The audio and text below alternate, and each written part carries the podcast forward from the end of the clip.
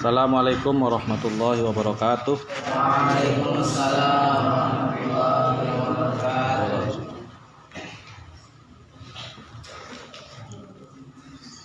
Al-Fatihah.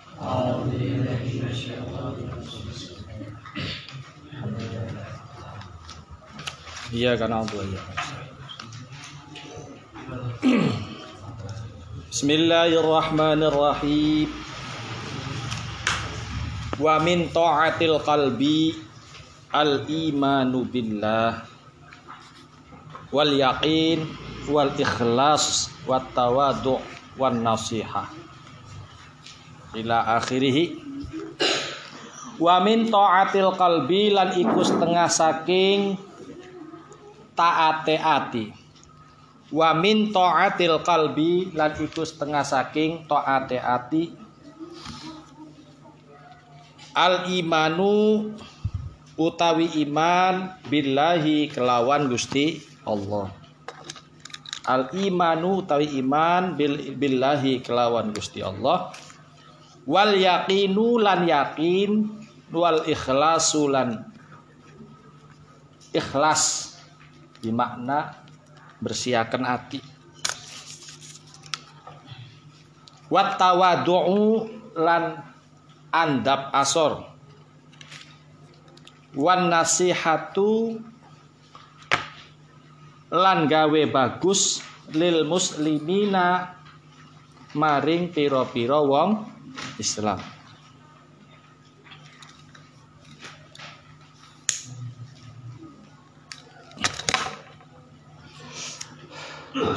Wasakhau lan loman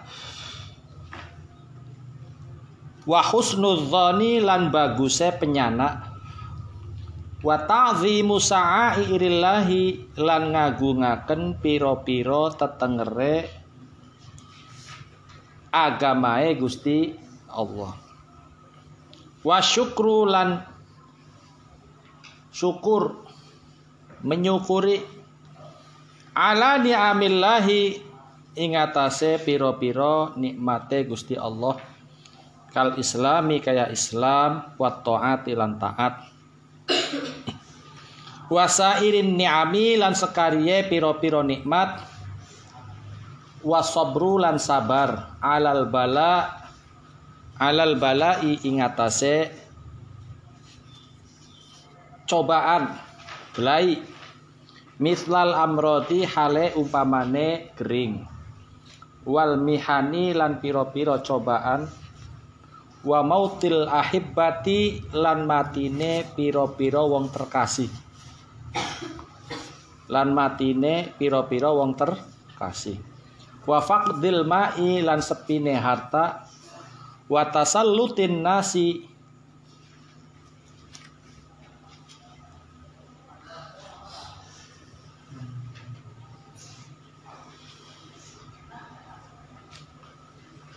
lan olehe nguasai menusa lan olehe nguasai menusa wasabru lan sabar alat taati ing atase taat. Wasabru lan sabar alal maasi ing atase pira-pira maksiat. Wathiqatu lan wathiqatu lan kumandel birrizqi kelawan rizki minallahi ta'ala saking Gusti Allah ta'ala.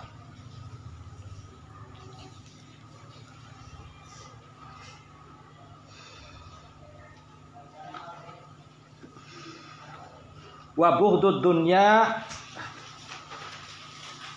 lan sengit dunya wa adawatun nafsi lan milawani nafsu memusuhi. Wa syaiton wa syaitoni lan setan. Wa mahabbatullahi lan demen ing Gusti Allah wa rasulihi lan utusane Gusti Allah. Wa sahabatihi lan pira-pira sahabate Rasulullah. Wa ahlu baitihi lan ahli bete Kanjeng Nabi atau wa ahlu baitihi lan ahli bete Rasulullah wa tabi'ina lan tabi'in pira-pira wong manut. Wasolihin lan pira-pira wong soleh. Waridho lan ridho anillahi ta'ala saking Gusti Allah taala. Wa tawakkulu lan pasrah alaihi ing atase Gusti Allah. Wa ghairu dzalika lan liyane mengkono-mengkono kang den tutur minal wajibati saking piro-piro kang wajib al qalbiyati kang bangsa ati. Al qalbiyati kang bangsa ati.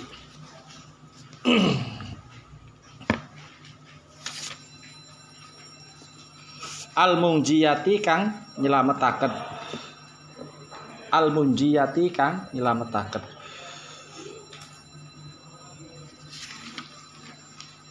Wa min taatil qalbi lan iku setengah saking taate ati al imanu utawi iman billahi billahi kelawan Gusti Allah. Wal yaqinu lan yakin wal ikhlasu lan ikhlas. Wa tawadu ulan tawadu atau andap asor. Wan nasihatu lan gawe bagus lil muslimina maring pira-pira wong Islam. Wasakha ulan loman wa husnudzoni lan husnudzon bagusnya penyana wa ta'zimu sya'airillahi lan ngagungaken pira-pira tetengere agama Gusti Allah. Wa syukru lan syukur ala ni'amillahi ing atase pira-pira nikmate Gusti Allah. Kal islami kaya Islam wa taati lan taat. Wasairin ni'ami lan sekarine pira-pira nikmat wasabru lan sabar alal balai ing atase cobaan mislal amrodi kaya padane kering wal mihani lan pira-pira cobaan. Wal mautil wa mautil ahibati lan matine pira-pira wong terkasih wong kang terkasih. Wa faktil mali lan sepine harta. Wa tasallutin nasi lan nguasai menusa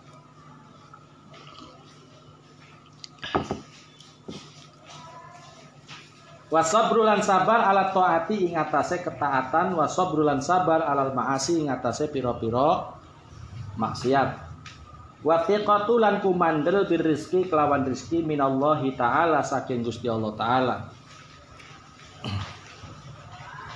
Wa bughdud dunya lan sengit ing dunya wa adawatun nafsi lan ngelawani nafsu wa syaitani lan setan wa mahabbatillahi lan demen ing Gusti Allah.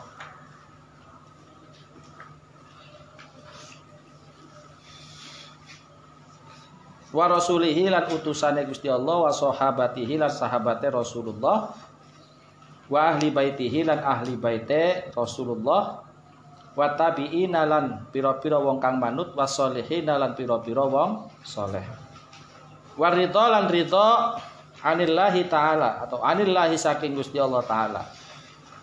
Wa tawakkulu lan pasrah alaihi ing atase Gusti Allah.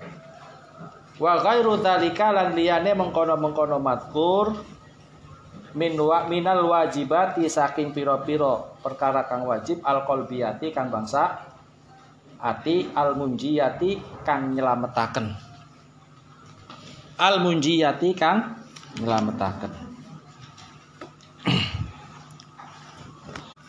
Jadi di antara tanda-tanda atau taatnya hati seseorang yang pertama itu adalah iman kepada Allah Subhanahu wa taala. Meyakini eksistensinya Allah. Dengan cara melaksanakan segala perintah-perintah yang Allah perintahkan kepada hamba-hambanya mentaati segala perintahnya menjauhi segala larangannya. Lah ini adalah bagian dari bagaimana kita ini meyakini akan adanya Allah subhanahu wa ta'ala. Atau meyakini bahwa Allah itu zat yang tunggal. Tidak ada satupun yang bisa menyamai Allah. Tidak ada satupun yang bisa menyekutukan Allah Subhanahu wa taala. Nah, kemudian yang kedua wal yakin adanya keyakinan. Keyakinan bahwa ad-dinul haq agama yang hak, agama yang kita yakini adalah agama yang benar. Agama yang mengajak manusia untuk uh, lebih taat kepada Tuhannya dan lebih punya perilaku yang baik kepada sesama manusianya. Tidak menyatakan dan tidak meragukan agama yang kita anut. Itu yakin.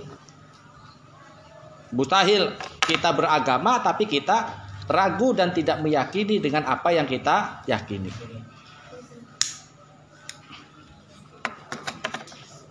Yang ketiga, ikhlas ya, membersihkan diri dari segala sesuatu yang bersifat pamer.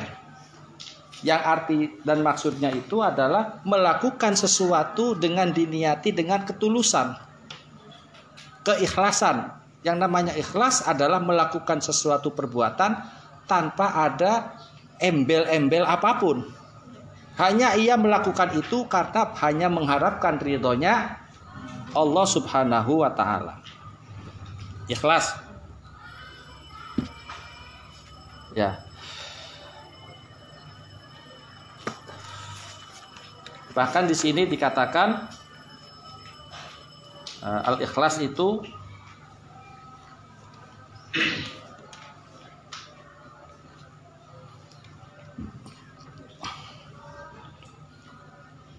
man akhlasa Man akhlasa lillahi arba'ina yauman dhaharat yanabiul hikmah min qalbihi ala lisani.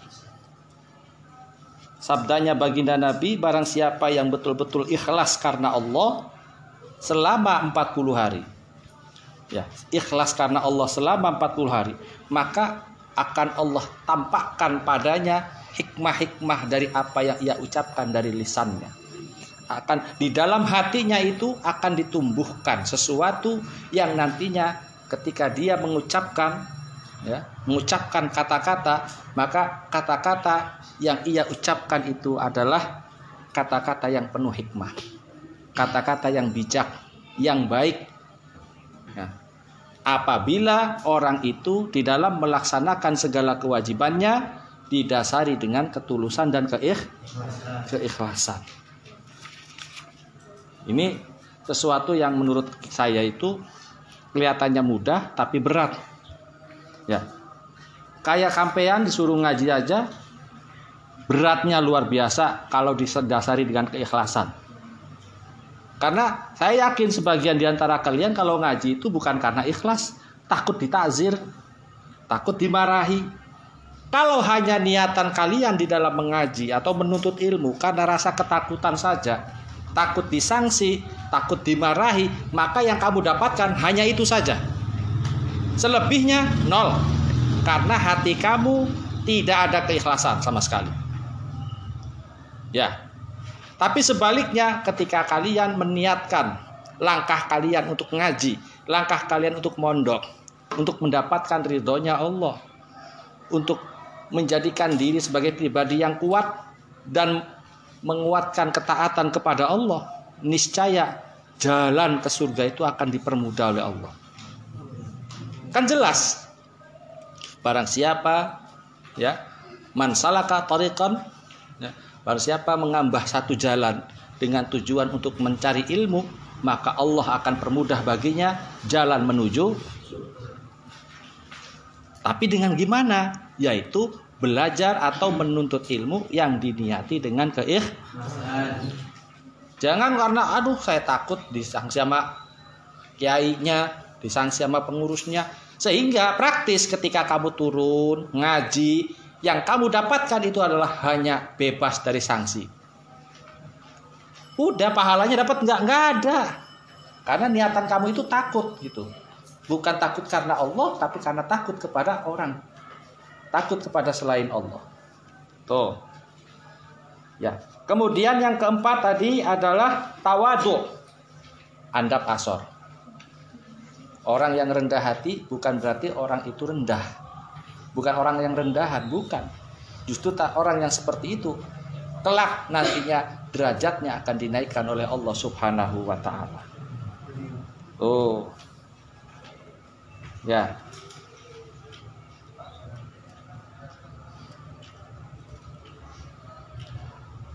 Kemudian nomor berapa tadi?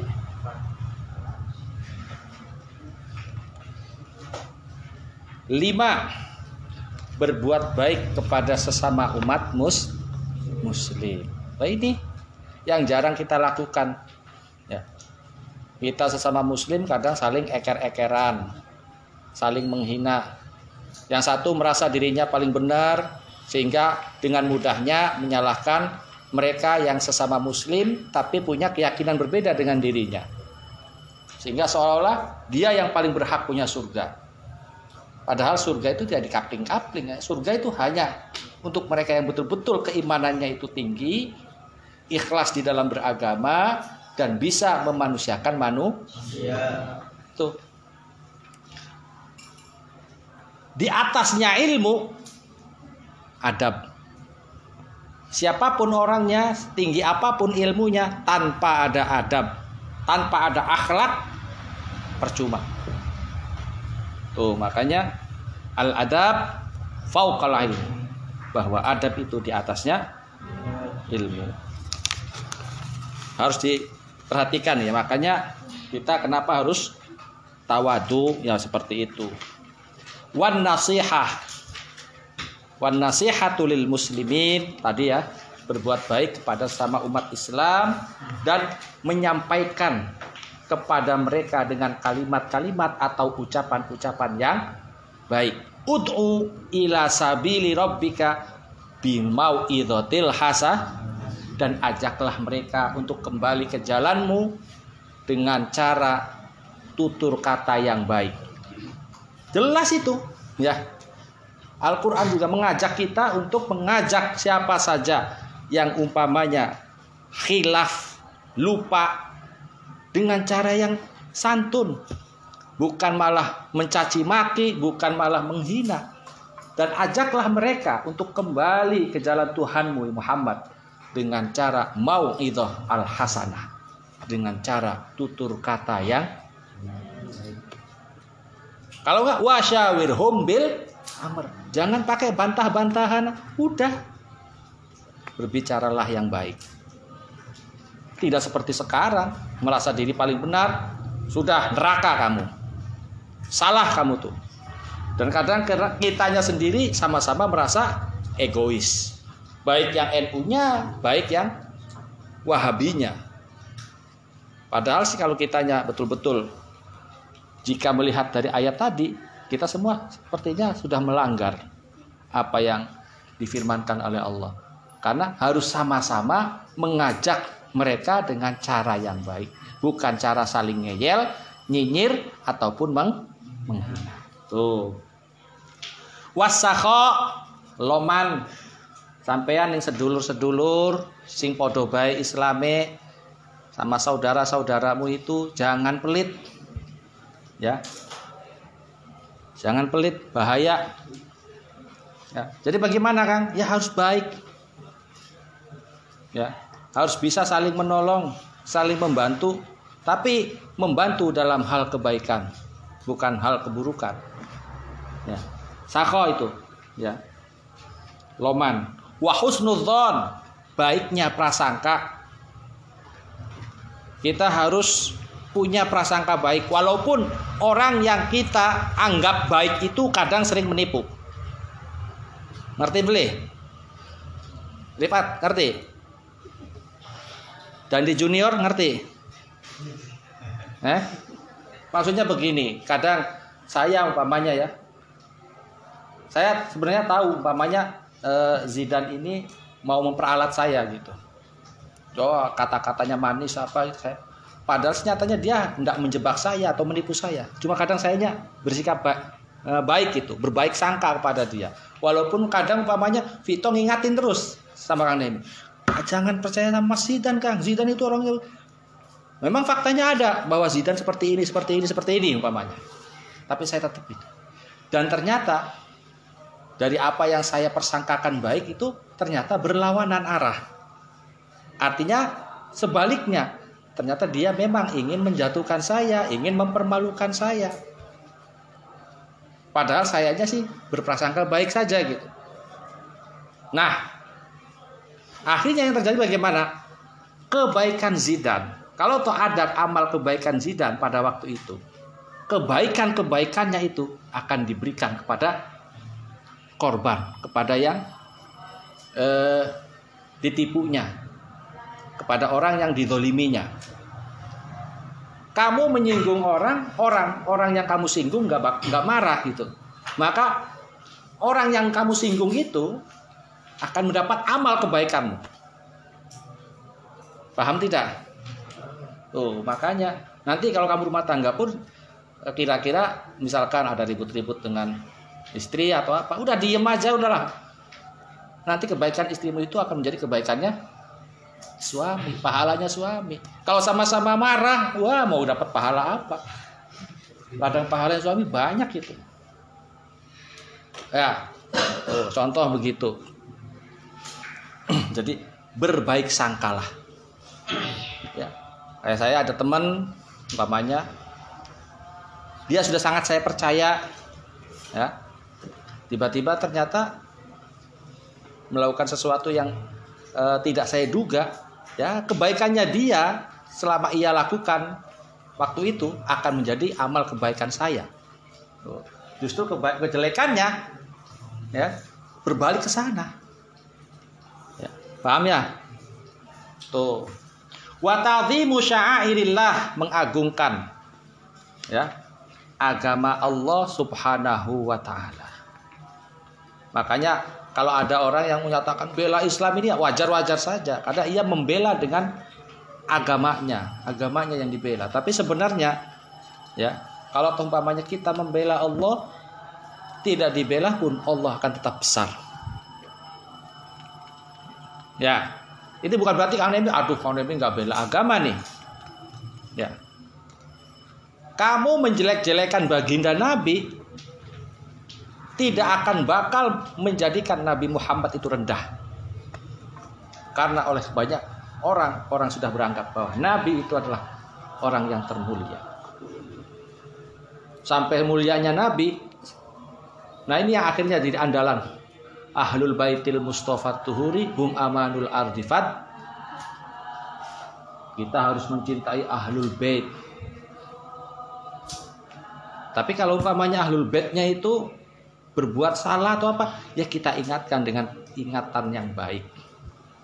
Jangan menggunakan ikut bahasa-bahasa yang sama gitulah. Ya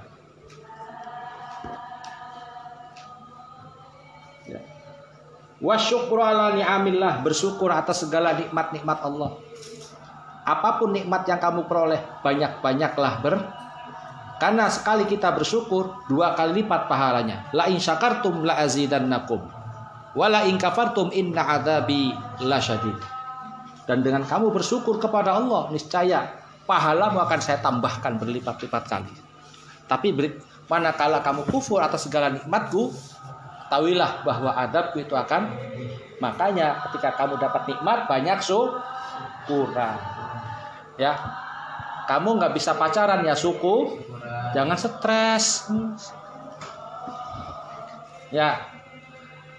Gus Gus angen-angen Arab janjian nggak bisa janjian suku. Wah, tanda Gusti Allah lagi sayang. Nggak bisa janjian tuh. Ya, dapat bestelan suku syukuran. Ada teman-teman kamu yang belum tentu bestel ya kasihlah berapa jajan atau apa. Ya kali aja satu. Kasih kerupuk satu aja udah.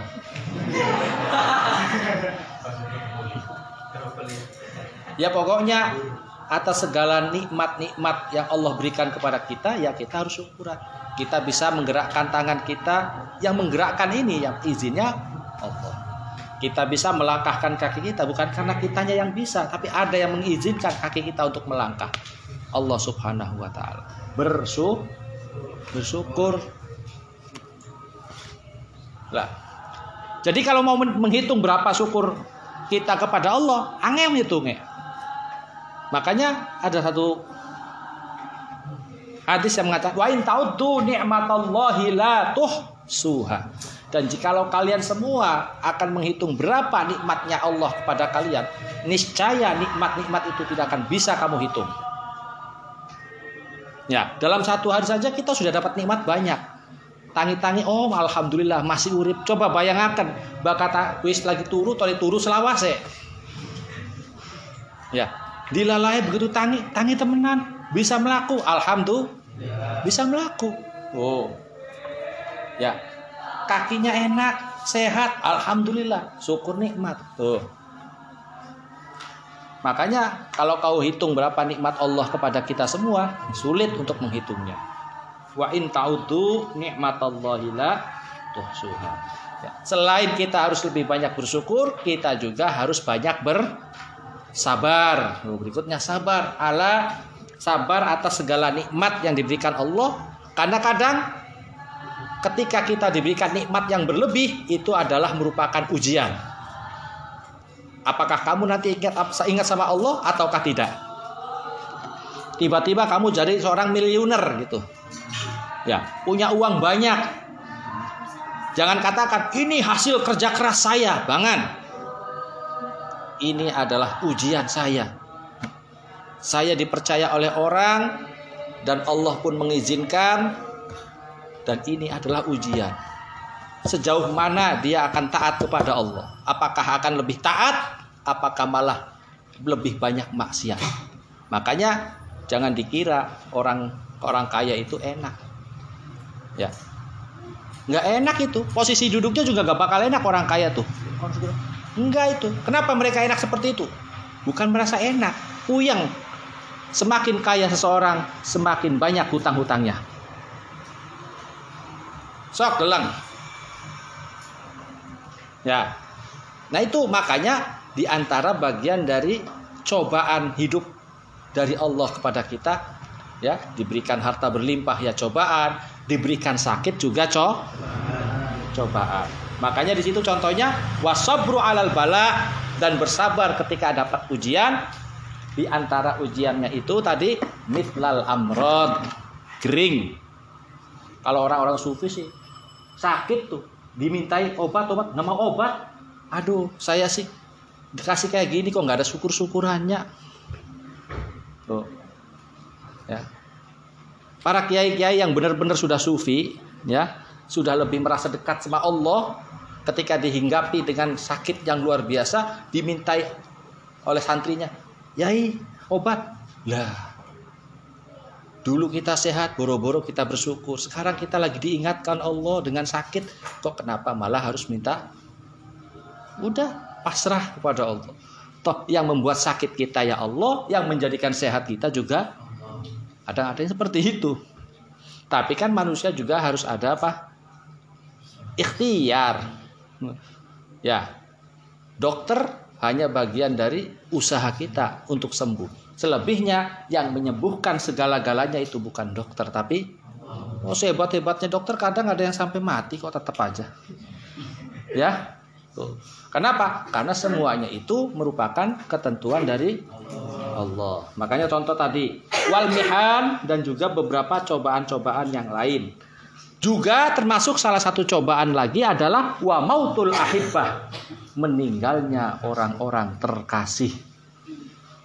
Orang-orang terkasih itu bukan hanya sekedar pacar kamu doang, bukan sekedar istri kamu doang. Orang tua, kakek, nenek, paman, bibi. Kematian mereka itu juga merupakan ujian. Jangan sampai meninggalnya orang-orang yang kamu cintai mengakibatkan kamu semakin jauh dari Allah Subhanahu wa taala. Karena kadang dengan tangisanmu, dengan cawukan-cawukan rambutmu, gesot-gesot kakimu karena menangisi kepergian keluargamu itu malah menjadikan tidak baik bagi mereka yang pergi ke alam dunia ya meninggalkan alam dunia tapi justru itu akan menjadi beban makanya kalau orang-orang kita itu ketika kita menangis air mata itu jangan sampai nempel ke kulitnya jenazah Kenapa? Tetes, satu tetesan air mata kita jatuh di kulit jenazah itu akan membebani mereka. Tuh ya. Makanya jadikan sesuatu yang merupakan sudah kodratnya Allah, ya kita juga tetap harus bisa ikh, ikhlas. Tapi bukan berarti kita nggak boleh nangis. Boleh mau nangis mau apa, tapi yang penting nangismu itu jangan berlebihan. Jangan sampai kau jambak-jambak rambutmu, kau robek-robek bajumu. Nanti banyak tontonan gratis. Ya, Vito seneng itu. Kalau langsung di, di video. Viralkan gitu.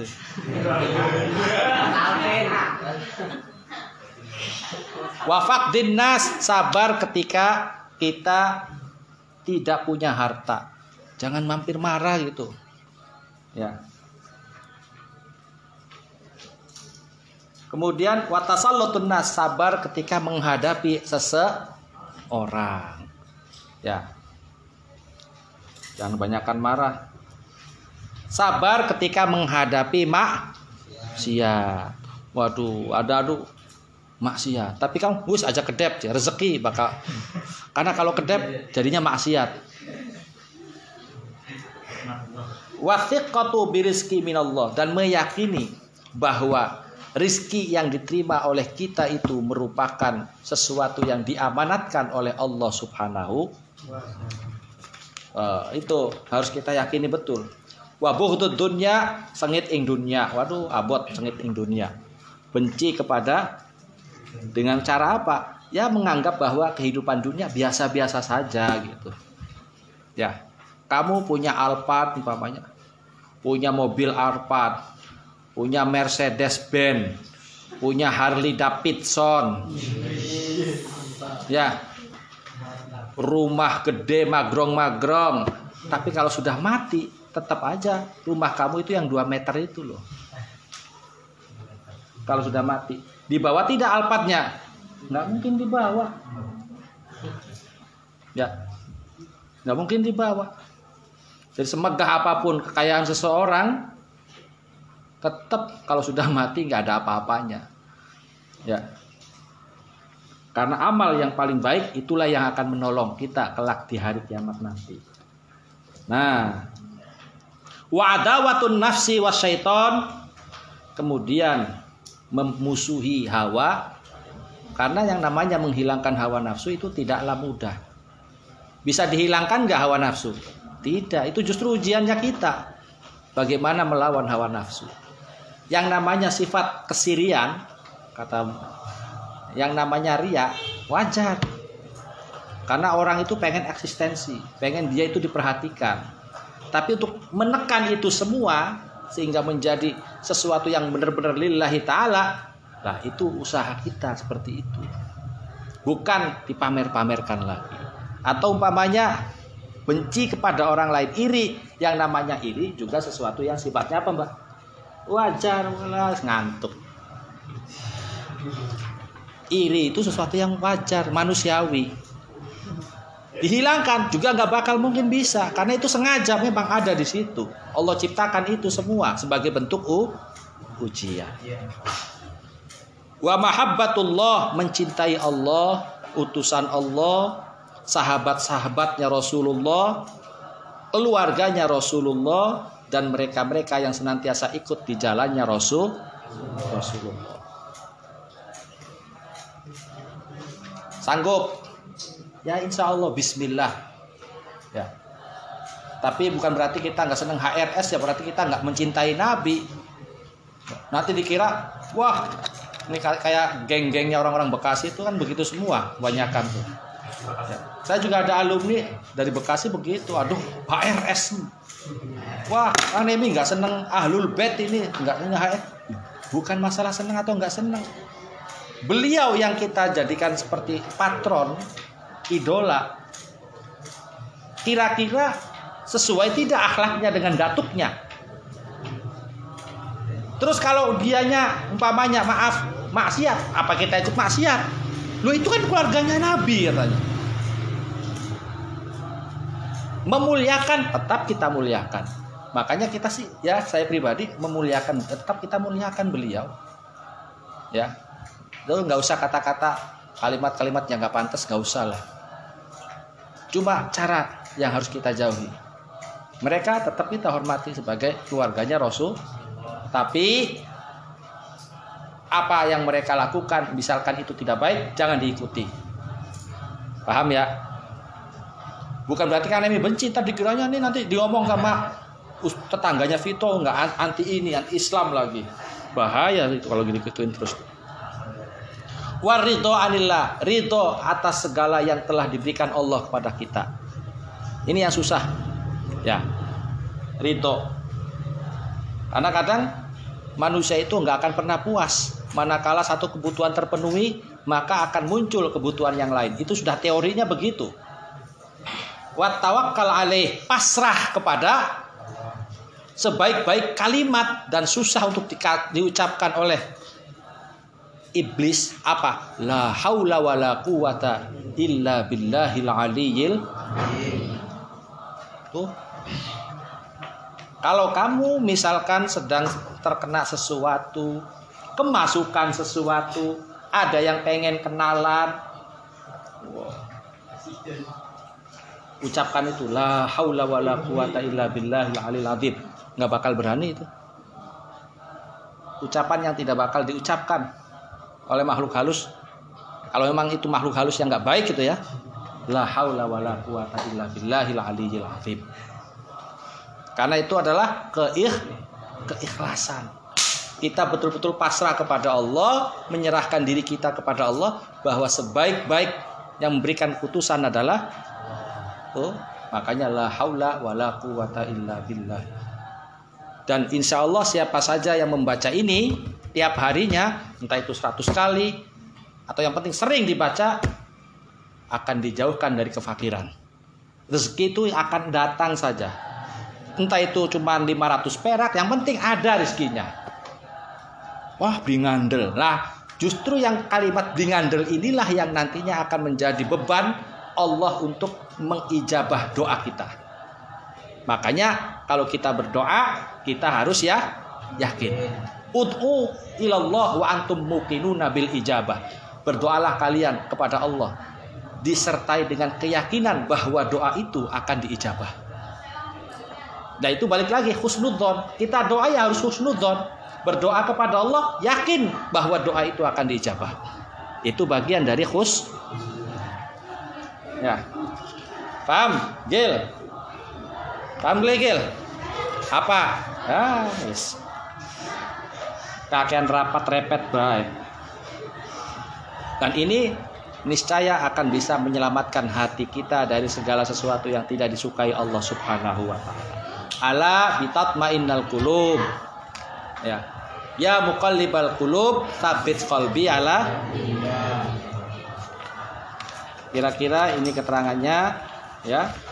Terlalu lama karena memang tulisannya juga banyak ya. Wa amal ma'asil jawarih fa ma'asil batni mitlur riba wa syarb wa syarbu kulli muskirin wallahu a'lam. Al-Fatihah.